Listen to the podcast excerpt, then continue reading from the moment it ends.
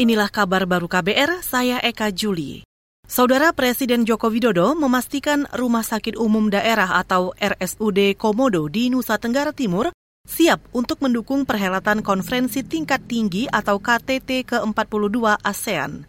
Meski begitu, Jokowi menyayangkan masih adanya permasalahan kekurangan dokter spesialis di rumah sakit tersebut. Presiden pun meminta Kementerian Kesehatan dan pihak Rumah Sakit Umum Daerah Komodo segera menambah jumlah dokter spesialis untuk meningkatkan layanan kepada masyarakat. Masih kekurangan dokter spesialisnya. Ini nanti yang segera akan di apa dikejar oleh Kementerian Kesehatan juga oleh RS uh, UD Komodo agar semuanya komplit sehingga penyakit apa pun yang ada di sini tidak, uh, tidak usah kita harus ke provinsi atau ke Jakarta, cukup di tangani di tingkat kabupaten. Presiden Jokowi juga menambahkan rumah sakit umum daerah Komodo di Nusa Tenggara Timur ini dibangun dengan bantuan dari Kementerian Kesehatan, baik dari sisi gedung maupun peralatannya. Biayanya mencapai 220 miliar rupiah.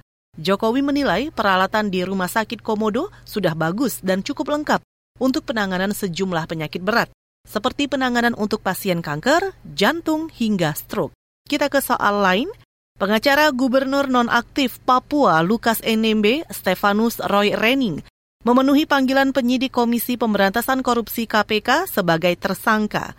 Ia menghormati proses hukum yang tengah berjalan dan berjanji untuk kooperatif.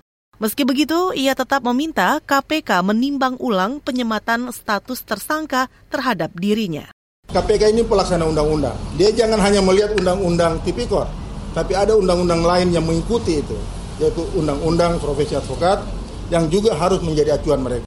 Pengacara Gubernur Nonaktif Papua Lukas NMB, Stefanus Roy Rening juga menambahkan tidak ada hambatan terkait proses hukum terhadap kliennya. Ia menyebut saat ini Lukas NMB sudah berstatus tersangka dan menjalani penahanan di rutan KPK. Sebelumnya, KPK menjerat Stefanus Roy Henning dengan pasal upaya merintangi proses hukum kasus perkara yang menimpa Lukas NMB. Kita ke lantai bursa. Indeks harga saham gabungan atau IHSG ditutup menguat hari ini, meski dibuka melemah tadi pagi. IHSG naik 0,15 persen atau 10,3 poin ke 6.779 di akhir perdagangan di Bursa Efek Indonesia sore ini.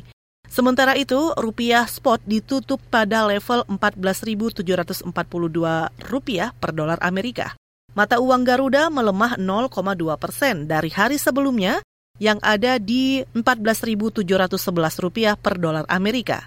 Di Asia, rupiah melemah bersama mayoritas mata uang lainnya, seperti peso Filipina yang mencatat pelemahan terdalam yakni 0,8 persen. Saudara demikian kabar baru, saya Eka Juli.